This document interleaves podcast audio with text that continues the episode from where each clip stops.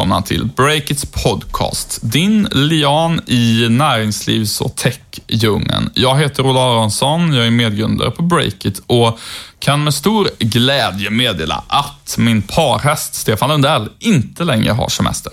Ja, det får vi också se glädjande över. En eh, lång semester har nu tagit sin ände och vi kör igång med ytterligare en ny podd. Mm, och I detta avsnitt så ska vi prata om att eran av närmast oinskränkt makt för techgrundare, den kan vara över.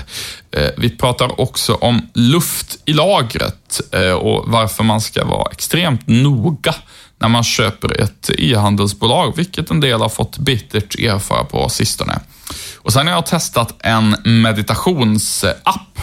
Eh, men innan vi går in på allt det där så blir det fem snabba nyheter. Mm. En färsk granskning eh, visar att det svenska techbolaget Spotify hjälper minst 37 band att sprida så kallad vit maktmusik. Eh, det är sajten Digital Music News som har gjort den här granskningen som går att läsa mer om på vår sajt. Och så har skönhetsbolaget Glossybox fått nya ägare i form av brittiska The Hut Group. Säljare det är bland annat familjen Stenbecks investmentbolag Kinnevik som nu alltså lämnar över stafettpinnen som ägare till Glossybox.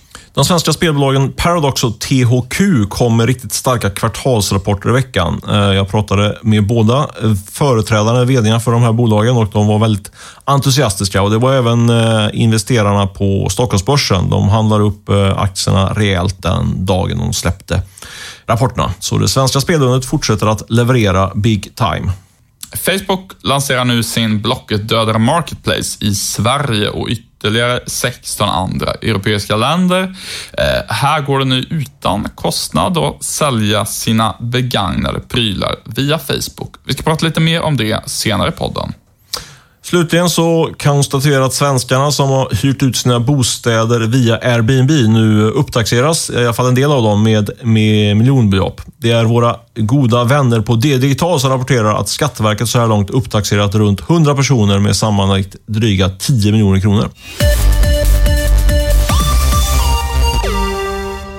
Om man ska starta en sajt så finns det en sak som man alltid behöver och det är hosting. Och det erbjuder vår huvudsponsor Rackfish. Det gör de och de har ju placerat sig i eh, ett så kallat premiumsegment, vilket bland annat innebär att de satsar väldigt hårt på att inte ha några driftstörningar. Och Rackfish filosofi kring det, det är att de eh, genom att investera i väldigt bra och säker teknik kan få ner sina supportkostnader. Om eh, servrarna aldrig går ner så är det heller aldrig någon som ringer i eh, telefonen. Så är det och på så sätt så sparar de tid både åt sig själva och kunderna. Vill ni veta mer om Rackfish så kan ni till exempel mejla grundaren direkt. Johan Olde heter han och han finns på johan Och med det tackar vi Rackfish för deras huvudsponsorskap av den här podden.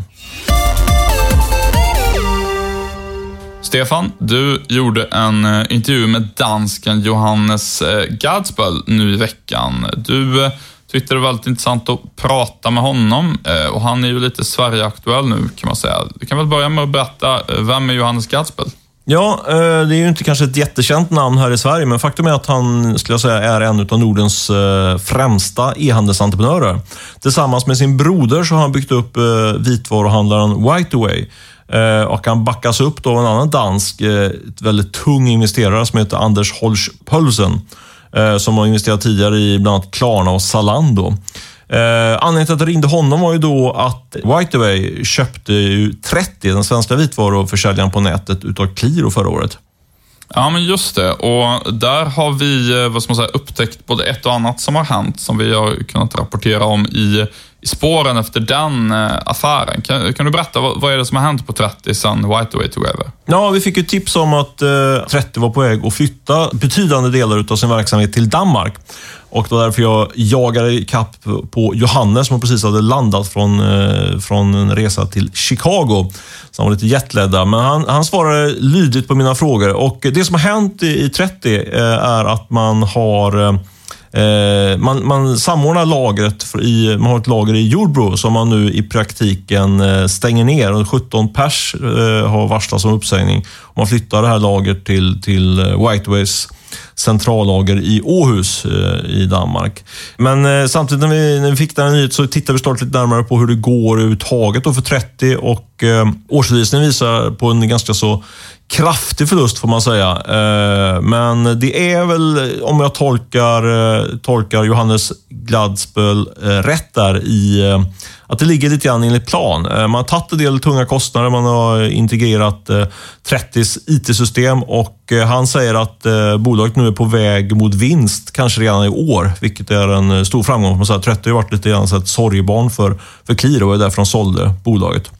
Ja, och vi kunde ju också i veckan rapportera att Lek mer som Qliro också sålde sa upp eh, ungefär hälften av personalen, eller den, den nya ägaren Babyshop fattade beslut om det. Så att eh, det, det här är någonting som om man jobbar i något av de bolagen som Qliro har kvar kanske man börjar bli lite smått orolig över det. De, de, de, man säljer dem där till någon annan och sen så blir det uppsägningar lite hårdvinklat. Åtminstone i två av bolagen så har det blivit så. Mm. Uh, ja, men det ska man nog räkna med, för det är väl det är ju det, det fint. Jag har pratat lite med, med andra personer också om det där. Det, det, är ju det, det finns uppenbara synergier när man gör den här typen av sammanslagning utav till exempel lager. Det är onödigt att ha två olika lager och man kan ha samma IT-system, eh, samordna marknadsföring och sådär. Så det, och det där var ju någonting som Johannes eh, också påpekade, den trenden med, med att man slår ihop Eh, och eh, samordnar eh, den här typen av e-handelsbolag. Han har ju vi i Danmark och i Norge gjort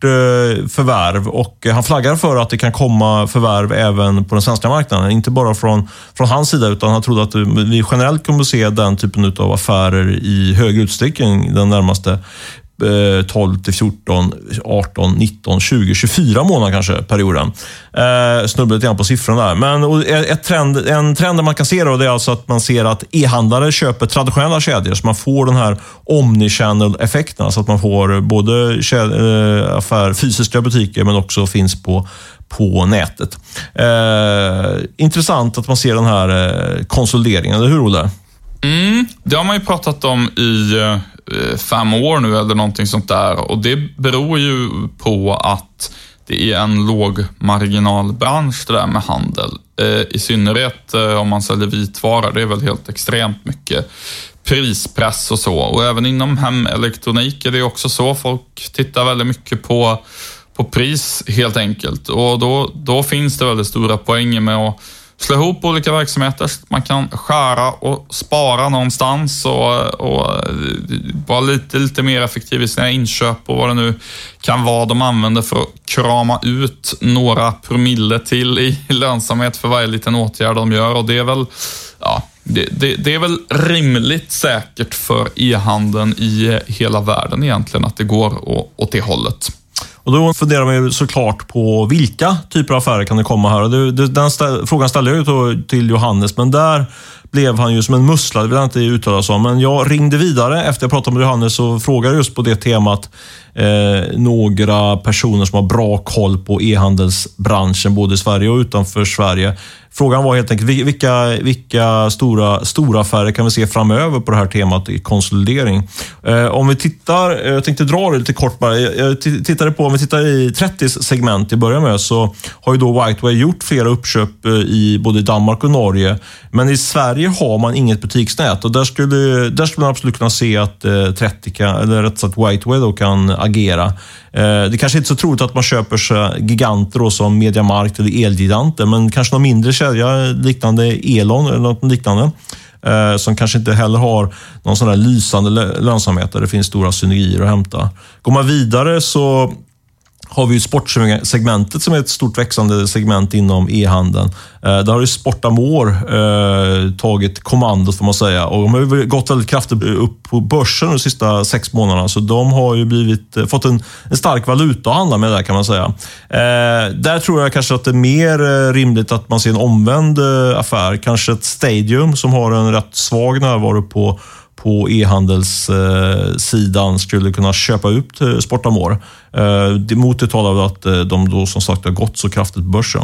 Eh, ett närliggande segment är också hälsa och, och vad man kallar det, de här energidryckssegmentet som gymgrossisten agerar i. Eh, där vet vi ju att eh, de har anlitat Carnegie som rådgivare. Det är ju Qliro som äger gymgrossisten och eh, de letar en, en köpare. Kanske skulle Stadium kunna köpa på sig gymgrossisten och bredda sitt utbud där, inte vet jag. Mm, så det kommer förmodligen bli mycket affärer i e-handeln eh, här i Norden och Sverige framöver, vilket egentligen helt enkelt beror på att vi konsumenter, vi tittar mycket på, på pris och vill ha det så billigt som möjligt och då driver det fram alla de här eh, gymgrossisten och Stadium och alla möjliga eh, relevanta aktörer till att slås slå sig ihop eller köpa upp andra. Du, vid sidan av den här förväntade förvärvsvågen då, eh, sa han något mer intressant, eh, den här danske e-handelsentreprenören du pratar med, om eh, vad som händer i 30?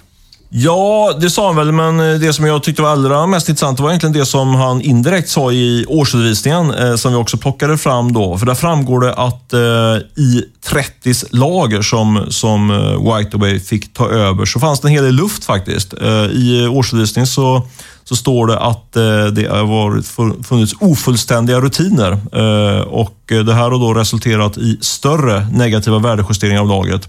I praktiken handlar det om att man haft dålig koll på, på returer under Qliros ledning och det där har inneburit att de nya ägarna nu tvingas att skriva ner eh, ganska stora värden i, i, sitt, eh, i det här laget. Ett antal men men vad, vad, innebär det egentligen att dålig koll på returer och vad har det i sin tur sedan lett till då?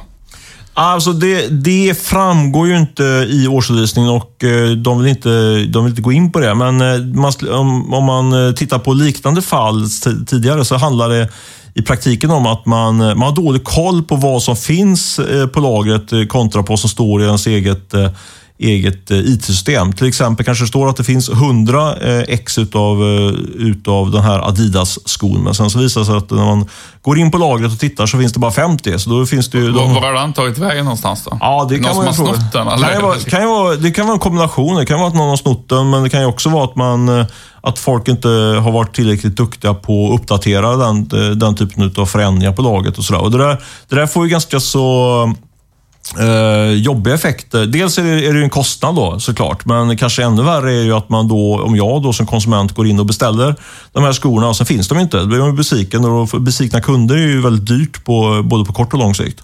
Du, i det här fallet då eh, har, kan man säga att Qliro har blåst Whiteaway då, sålt, eh, vad ska man säga, eh, visat upp på papper att man har mer varor på lager än man egentligen hade. Nå, nu är du, du ansvarig utgivare för den här podden, så jag kan i och för sig påstå lite grann vad jag vill, men det skulle jag inte vilja hävda. Eh, för det vet jag inte. För eh, jag har ju frågat då eh, de nya danska ägarna om de, eh, om de har så att säga, gått vidare med det här till, till Qliro och krävt återbetalning av pengar eller en del av köpeskillingen. Det här var ju en affär på en, på en kvarts miljard när, när man köpte Eh, 30 för ett halvår sedan ungefär. Men eh, man vill inte gå in på det. Man säger att det där är hemligt eh, huruvida de har gjort det ena eller andra. Så det vet jag inte. Men det man kan konstatera är att det här är inte första gången det, det har hänt. Jag ringde runt lite grann och frågade just kring det här när, när, upp, när det uppdagades i årsredovisningen. Och då fick jag höra en annan story om, om ett annat, annat stort, ganska stort bolag i ett förvärv där det också blev så att, det, att eh, det fanns helt enkelt inte så mycket som, eh, som det fram i laget som det stod på pappret då, i årsredovisningen, så man tvingas till en, till en nedskrivning där. Eh, men där hade säljaren friskrivit sig och eh, det troliga är väl kanske att säljaren i det här fallet också har friskrivit sig. Så det gäller att vara väldigt uppmärksam när man gör sin så kallade due diligence-process innan man tar över ett bolag. Ja, verkligen. Och, och där eh, kan jag berätta då, det, lite, det, det är nog inte alla som har koll på hur sånt här funkar, men generellt sett kan man säga att det finns eh, Antingen så gör man en jätte, jätte noggrann kontroll, så kallad due diligence, när man köper ett bolag så att man kan anse sig ha kollat allt som kollas bör. Och då, om man har gjort det, då öppnar man möjligheten för den som säljer bolaget att friskriva så att säga. Nu är det här så väl kollat så vi har inget ansvar för vad ni eventuellt kan upptäcka för fel i framtiden. Eller så har man gjort så att eh, man inte har kontrollerat allt som kollas kan och då kan den som har sålt bolaget istället säga att ja, men om det upptäcks fel i framtiden, då kan vi behöva betala tillbaka eller bli juridiskt ansvarig eller vad det nu kan vara. Och eh, ja, så, så precis som du säger, beroende på hur noggranna DD-processen har varit så, så kan man ha olika grad av framtida ansvar. Det mest troliga är ju som du säger att Clio har, för att ha friskrivit sig helt, eller hur? Mm. Ja, det är väl, eh, så kan det vara. Det är svårt att veta, men vi ska, jag skulle känna, det känns så att det, att det borde vara så. Mm, jätteintressant och Eh, om jag vore de här som eventuellt funderar på att köpa gymgrossisten nu när det också ska säljas så skulle jag ju förstås kanske bli lite, lite extra nitisk i min kontroll gentemot eh, Qliro efter att ha läst det där i 30s årsredovisning. Yes. Eh, du, nu när vi har snackat en del om e-handel, vad passar väl då bättre än att pusha lite för vårt nya event, Retail Tech eh, Stockholm. Du får gärna berätta lite mer om det, Stefan. Ja, det gör jag gärna. Eh, det är ju ambitionen att göra Nordens bästa och mest initierade konferens om e-handel och retail tech. Eh, vi lanserade det här bara för någon dag sedan och anmälningarna har redan börjat droppa in. Vi kör det här eventet 24 eh, oktober i Spårvagnshallen i Stockholm. Eh, men vi har ju eh, såklart lyckats knyta upp ett helt gäng tunga talare redan. Det är ju därför som folk börjar anmäla sig. Till exempel så har vi Mathem-grundarna Caroline och Thomas Kull. Magnus Wiberg, grundare av Pricerunner och en, idag en av Nordens tyngsta investerare inom e-handel kommer dit. Och sen har vi också Joel Falk som eh, driver ett väldigt spännande e-handelsbolag som heter Kitchen Time som växer väldigt fort. Uh, med mera, med mera. Borde vi nämna något mer, Olle? Vad tror du? Uh, ja, alltså jag tycker ju som alltid att det är väldigt intressant att höra hur det går för uh, Rap egentligen. Deras VD Ag Reschlev kom ju dit. Det är liksom ett närmast mytomspunnet bolag vid det här laget som vi har skrivit hur mycket som helst om. Eh, de har en jätteriskabel men också jättestor satsning på att, eh, vad ska man säga, mäta vad folk eh, köper i fysiska butiker helt enkelt på ett, ett, helt, ett helt nytt sätt. Det ska bli kul att höra hur det går för dem. Verkligen. Det, det tillkommer hela tiden nya talare, så det enklaste är att egentligen gå in på på breakit.se och kolla in den artikeln vi har skrivit i detta ämne eh, och för att få lite mer, mer fakta i målet. Sen ska du såklart eh, anmäla dig om du känner att du är i målgruppen och tycker att det här låter spännande. Och eh, just nu erbjuder vi faktiskt 1000 kronor i så kallad early bird-rabatt. Eh, så det är bara att gå in och anmäla sig och sina kollegor. Gör det!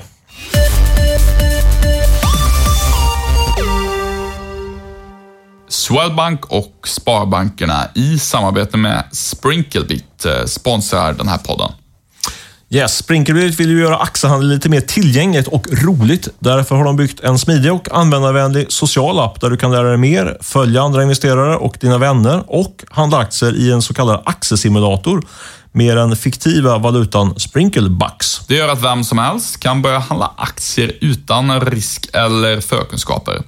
Det är helt gratis att gå med och vem som helst kan signa upp sig. Ladda ner Sprinklebit-appen om du vill testa.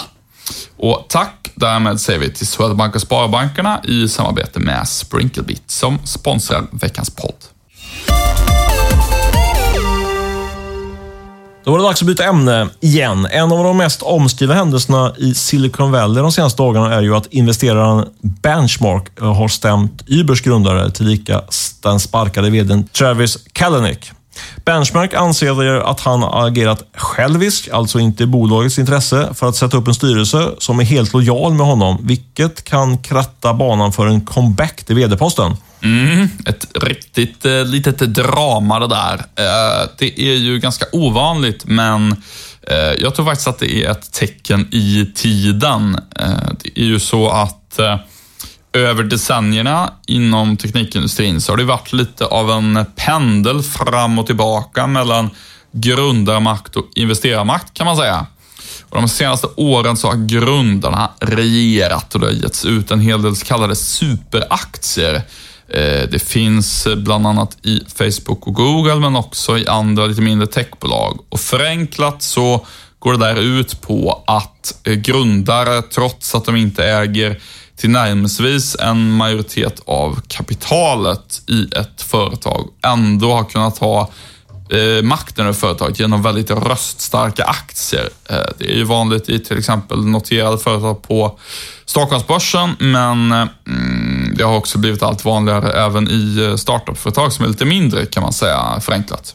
Men det där har ju inneburit att eh, de investerare som inte får lika mycket makt, de har ju fått ersättning i form av eh, en större del av avkastningen. Då, så att säga. Och de, den typen av investerare brukar ju fokusera på avkastningen, men du tror att, att, de, att det håller på att förändras det här? Att det inte är lika viktigt för dem längre, eller hur ska jag tolka det? Jag skulle väl tolka det ungefär som att Uber är världens största startup och eh, ja, då räknar jag då icke börsnoterade techbolag som är relativt nystartade som startups. Och när någonting så här stort händer i Uber, då tror jag att det får efterverkningar i hela branschen och kan bli en trend. Och framförallt att det lite grann eh, slår hål på eh, myten om den här osårbara super som inte går att eh, ersätta, så att säga. Och, och, det, och det tror jag gör att eh, eh, en hel del investerare kommer att bli mer noga med att kolla på, okej, okay, om vi liksom skulle vilja, ut, vilja byta ut den här vdn, hur skulle vi kunna gå tillväga då? Och du tänker att eh, då är man villig att ge avkall för den extra avkastning man får för att det kanske i slutändan kanske inte blir extra avkastning på det för att det blir för dåliga ledare, eller, eller tänker du så? Ja, alltså dels det vad gäller preferensaktier så finns nog den möjligheten, men det är också så att det finns i vissa fall har det egentligen inte handlat om preferensaktier, utan i vissa fall har det helt enkelt handlat om villkor rakt av. Alltså det handlar inte om att man får mer avkastning egentligen, utan eh, att grundarna har haft rätt att utse alla styrelseledamöter och sådana saker till exempel, som inte specifikt har med avkastning att göra så att säga. Okej, okay. Eh. men vad då man spå, din spådom då? Är det att eh, fler grundare kommer petas som VD här framöver, eller vad skulle du säga? Mm, det tror jag. Jag tror att chansen, jag tror att det här sätter en trend som gör att det, vad ska man säga, det inte i lika hög grad blir tabu att peta en grundare. Eh, det bygger förstås på att grundaren inte levererar. Eh, Travis Kalnick har ju levererat vad gäller tillväxt och sådär, men inte vad gäller kultur om man förenklar lite grann. Och ehm, jag tror ett, ett tips om man tittar på bolag som har lyckats bra är att eh, rekrytera en, eh, vad ska man säga, en duktig person nummer två till företagen. Eh, Mark Zuckerberg, han har ju Sheryl Sandberg som är eh, otroligt framgångsrik operativ chef, liksom person nummer två på Facebook som säkert kör det i lika hög grad som han gör nu om man tittar på den dagliga verksamheten. Um, Google-grundarna har ju plockat in Sundar Pichai som numera är VD på Google medan de är eh, uppe och svävar någonstans ovanför i maktstrukturen i Googles eh, ägarbolag Alphabet. Eh, vare sig Sheryl Sandberg eller Sundar Pichai är ju, um, är ju liksom eh, grundare till bolagen, men de är ju väldigt starka ledare där nu. Eh, och Det här tror jag man ska ha koll på att Ta ett bolag som eh, Snapchat till exempel, som nu har rasat på börsen sedan de introducerades. Där finns det egentligen bara en person som står för hela ledarskapet i bolaget. Det är grundaren Evan Spiegel. De har försökt ta in en liksom, COO. Eh, de personerna har ofta fått sluta. Där tror jag att det, det, är nyttigt för bolaget att ta in, när de börjar bli lite större, att ta in någon mer riktigt stark ledare i bolaget så att liksom, inte allt hänger på vdn, lite så som det förenklat har varit i Uber. Jag vet inte, vad, vad, vad tycker du? Nej, men det är väl en... Jag hoppas du har rätt. Det känns som en ganska sund utveckling. Eh, just Uber är ju liksom lite extremexempel med en VD som eh, har eh, väldigt udda åsikter, får man ändå säga. Så där kan man, ju, kan man ju hoppas på det utifrån det perspektivet med. Sen så tror jag också att den här maktförskjutningen, att att entreprenörerna tidigare har lite grann kunnat diktera villkoren, men, men att det nu kommer lite mer kärvare tider. Eh, det tror jag att eh, du har rätt i den spaningen helt enkelt. Ja, men I synnerhet om konjunkturen vänder ner och investeringsklimatet blir sämre och sådär, då Ja, pengarna styr och investerarna sitter på pengarna lite förenklat. Um, yes, ska vi prata om den så kallade Blocket-dödaren från Facebook nu. Ja, vi ska väl egentligen inte använda ordet Blocket-dödaren. Nu Nej, det var därför jag sa så kallade. Ja, precis tyckte alltid, det var väldigt underhållande när jag såg en tweet för något år sedan om, om en ny Breakit-dödare. Det mm. tyckte jag var kul. Eh, för det är ju såklart att det är inte så att Blocket kommer gå under med tanke på Facebooks nya stora satsning. Men ändå, eh, intressant att höra lite grann. Du skrev ju redan för, eh, i våras då, om att det här var på gång. Vad, vad tror du, eh, du som har följt lite närmare än mig, vad, vad betyder den här satsningen för, för Blocket och andra? Ja, uh, till att börja med så uh, tycker jag att man alltid ska ha respekt för när Facebook marscherar in på någon marknad, i det här fallet med deras satsning Marketplace. Uh, men vad man också ska vara medveten om, det är att det här förefaller inte direkt vara Facebooks mest högprioriterad satsning. Snarare som att det är prio typ 22 eller någonting sånt i ordningen. Eh, Marketplace har ju funnits ganska länge. Eh, det har inte lyft sådär jättemycket. Eh, om man tänker på all talang som finns inom Facebook, alla där som jobbar med produktutveckling och lanserar nya satsningar så. Jag tror inte att det är de allra duktigaste på Facebook som sitter och jobbar med just det här de jobbar nog med, med helt, helt andra grejer just nu. De ska ju läsa folks tankar och annat har de sagt eh, och kommersialisera Messenger-appen med mera, med mera. Eh, och eh, som sagt, det här är ju faktiskt ingen ny eh, satsning och jag tror att man ska komma ihåg att de här stora techjättarna, de startar ju liksom projekt hela tiden som sen inte lyfter och sen glöms bort. Eh, för ett par år sedan så eh, var det stora nya spännande med Facebook Messenger-plattformen, att man skulle kunna eh, betala för över pengar i Messenger, man skulle spela spel där och så vidare. Det har inte lyft. Och nu pratar Facebook Eh, externt inte heller. Alltså det är inte det de försöker hypa upp, utan nu är, nu är det nya grejer med tankeläsning och annat. Eh, så nedgången med, vad var det, 5-6 procent på Schibsted, det är flera miljarder i börsvärden. På, den är i alla fall miljard, miljardbelopp. Det var en så kallad överreaktion då, skulle du säga, igår. Det, alltså, det är liksom finansiell mening kan inte jag alls bedöma det. Eh, däremot så tycker jag liksom att eh, det, det är klart att det finns, mm, alltså vissa delar är mer logiska än andra att det flyttar på från Facebook, men om man säger lite förenklat så är det så att ju, um, vad ska man säga, ju billigare grejer du, ska, eh, du har, alltså om du ska skänka bort kattungar i en viss stadsdel i Växjö, då är det mycket bättre att bara ha en Facebookgrupp där du gör det vi skänker bort vårt eh, bord gratis. Alltså det gör ju folk på Facebook redan idag, men jag har ganska svårt att se ändå vad den stora fördelen liksom eh, eh skulle vara för de här liksom betydande grejerna. Alltså du ska sälja en bil till exempel som Schibsted ju är stora på. Eh, och även du ska sälja något för någon tusenlapp, ett par tusen spänn.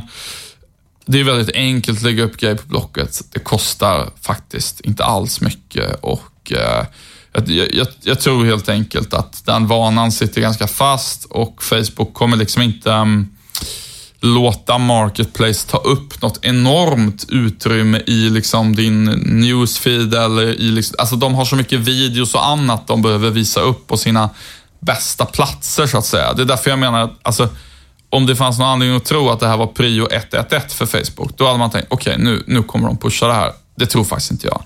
Eh, och mot den bakgrunden så tycker jag att, alltså det är klart Blocket ska vara oroliga. Tänk själv om man bara, ah, nu ska Facebook börja konkurrera på allvar mer. Det, hade man, ja, det sker i och för sig oss varje dag, men det är liksom ändå, man, det är klart man blir nervös över det.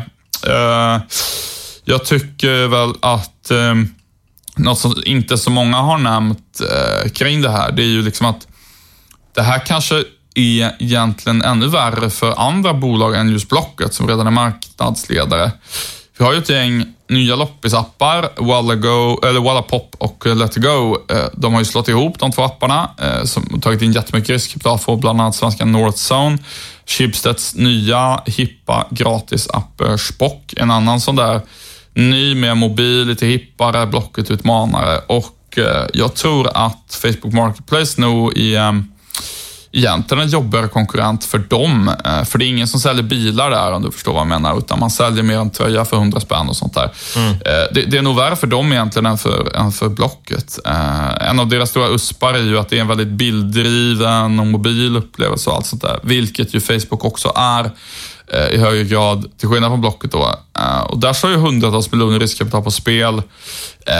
Och det är ju också ett sätt att förstå raset i Schibsted-aktien. För Schibsted eh, eh, är ju numera eh, huvudägare i just Spock också, inte bara Blocket. Så det blir lite enklare att förstå det då, att de har ju satsat på flera olika längder och bredder på att vara etta på radannonser och även om inte Blocket skadas, då kanske Spock eh, skadas och då är ju eh, värden förlorade i den änden istället så att säga.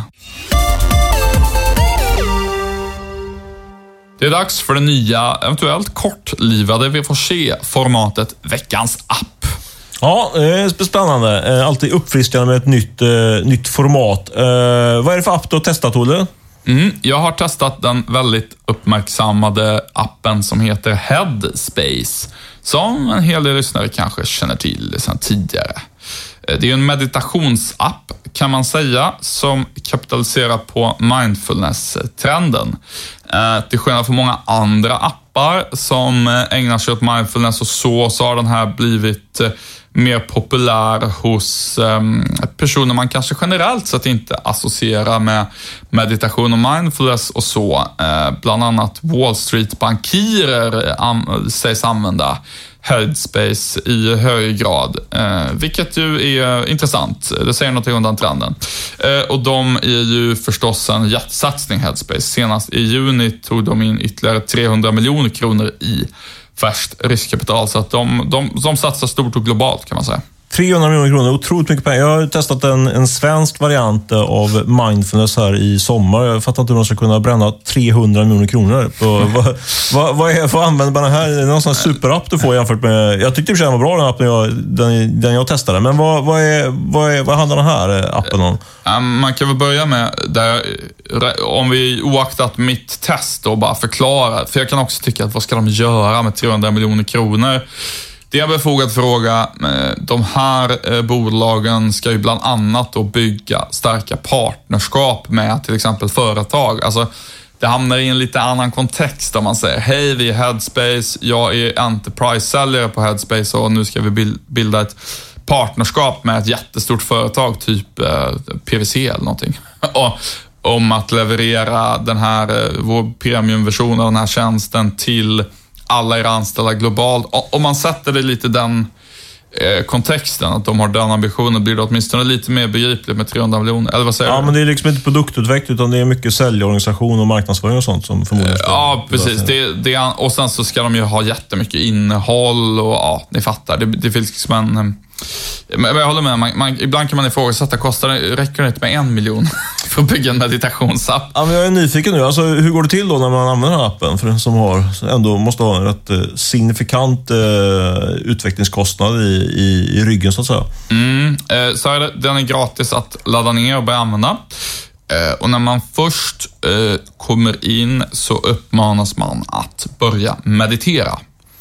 Eh, och eh, jag hörsammade den kallelsen, tog på mig hörlurar och valde första delen av Headspace meditationskurs. Eh, vad som händer då är att en instruktör börjar prata i ens öron och han heter Andy och pratar brittisk engelska med en nästan löjligt mjuk röst. Lite Hello, I'm Andy. Welcome to Headspace. Ja, du förstår. Det finns ingen svensk version? Nej, utan det... det vet jag inte faktiskt. Nej. Men ähm, det är ju äh, lite ovant till en början om man inte har gjort det förr. Man börjar nästan skratta lite grann åt Andy och ja, man har ju såna här nidbilder av ähm, cannabisrökande indiska gurus och, och sådär som ägnar sig åt det här. Så att det är en ähm, det är en viss fördomströskel man behöver ta sig över där, men eh, jag tyckte det, eh, jag, jag, tycker de har gjort rätt. Det är inte så mycket sådär, hitta din chakra, utan det är väldigt eh, enkelt och jordnära ändå att ta sig till Headspace, tyckte jag.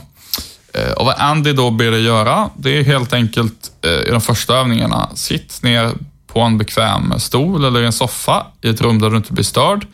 Eh, sluta ögonen och sen så instruerar han dig till att göra olika saker. Det är fokusera på andning, fokusera på hur fötterna känns mot golvet, hur ryggen känns mot ryggstödet, händerna mot knäna. Eh, I vissa fall så eh, kommer det övningar där man ska föra fingret över skärmen eh, för att det är liksom en form eller symbol som rör sig där och så ska man fokusera fullt ut på den eh, rörelsen. Och allt det här syftar väl helt enkelt till att rensa tankarna och skapa ett lugn i kroppen, förmodar jag. Mm. Jag är ingen mindfulness-expert, men det låter ju som, eh, som att det är traditionell mindfulness-övning helt enkelt. Ungefär hur länge varar varje övning förresten?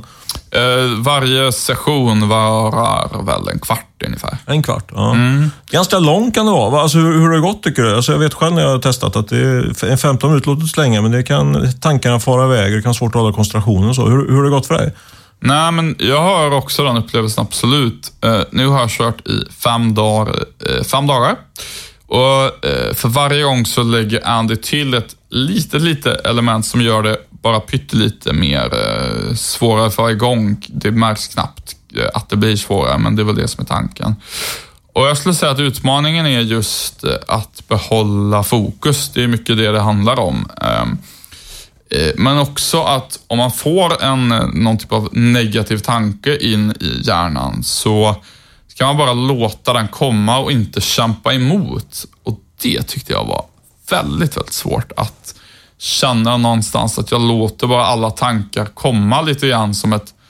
Jag låter vattenfallet flöda så att säga och accepterar och inte gå in och argumentera med, mot dem. Utan Nej, och, och, det där är ju en jättesvår uh, process. Um, att, att lära sig det, men jag måste säga att jag verkligen förstår poängen för företagsledare att göra den typen av övningar. Jag tycker i synnerhet när man sitter i öppna kontorslandskap och sådär, fokus, koncentration, alltså det kan vara otroligt svårt eh, i eh, i både för sig själv men också i ett team att liksom verkligen fokusera på, på en, den, en uppgift, den viktigaste uppgiften. Det, det tycker jag. Mm.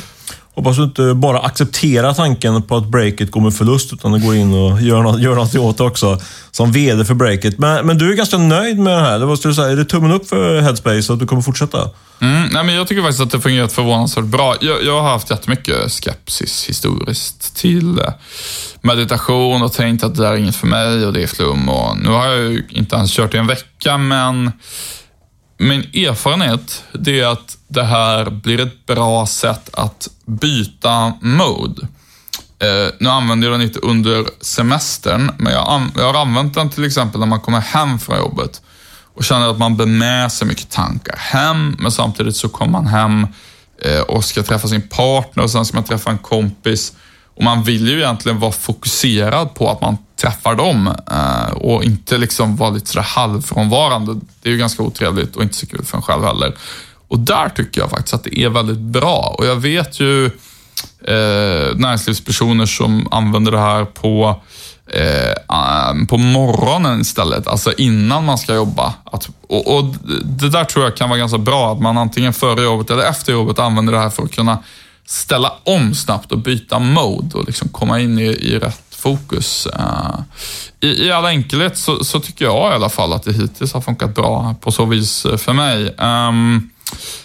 ska säga också, det finns ju svenska eh, motsvarigheter till, eh, till Headspace, eller sånt som försökt göra det. Remente som fyndiggrundaren David Bude har lanserat till exempel, försöker sig på något, eh, något liknande. Och det finns eller, ett gäng Eller mind, jag får ju droppa det namnet också då, så att det ger lite reklam för dem också. Mindfulness-resan är när jag testade. Mm. En betalapp, där man får testa gratis de första eh, fem, tio sessionerna och sen så kostar det pengar och då är man ju fast. Så då får man ju slanta upp det som jag gjorde. Men, eh, jag, eh, ja, nej, men spännande att höra. Eh, det är ju faktiskt eh, vetenskapligt bevisat att mindfulness är, eh, är positivt för både det ena och det andra. Eh, det får ni googla upp och få mer information. Vi är ja, inte nej, jag, jag, jag, har faktiskt lite, jag har faktiskt tagit reda på en, en grej om det som är väldigt, väldigt intressant. Det är så att um, jag eh, träffade en lyckoforskare på en fest som hänvisade mig till en vetenskaplig artikel. Och eh, Det här är något som, det, det är inte bara jag som har uppmärksammat det, utan det står på eh, engelska Wikipedia och eh, så, vilket ju faktiskt är en, en tung grej att man, det har tagits med där av de digra redaktörerna. De rasar ju bort saker som är alltför omtvistade och så.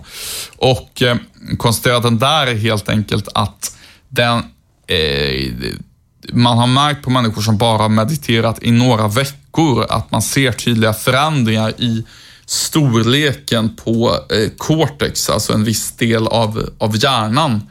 Eh, den stor, alltså man kan på riktigt mäta. Eh, att den delen av hjärnan har vuxit bara efter några få veckors meditation. Så att det finns ehm, faktiskt ganska långtgående vetenskapliga eh, belägg för att eh, vad man säga, meditation tillsammans med motion, eh, social samvaro och andra saker eh, på riktigt kan göra, eh, alltså, göra människor lyckligare. Så att det är verkligen inte bara flum längre.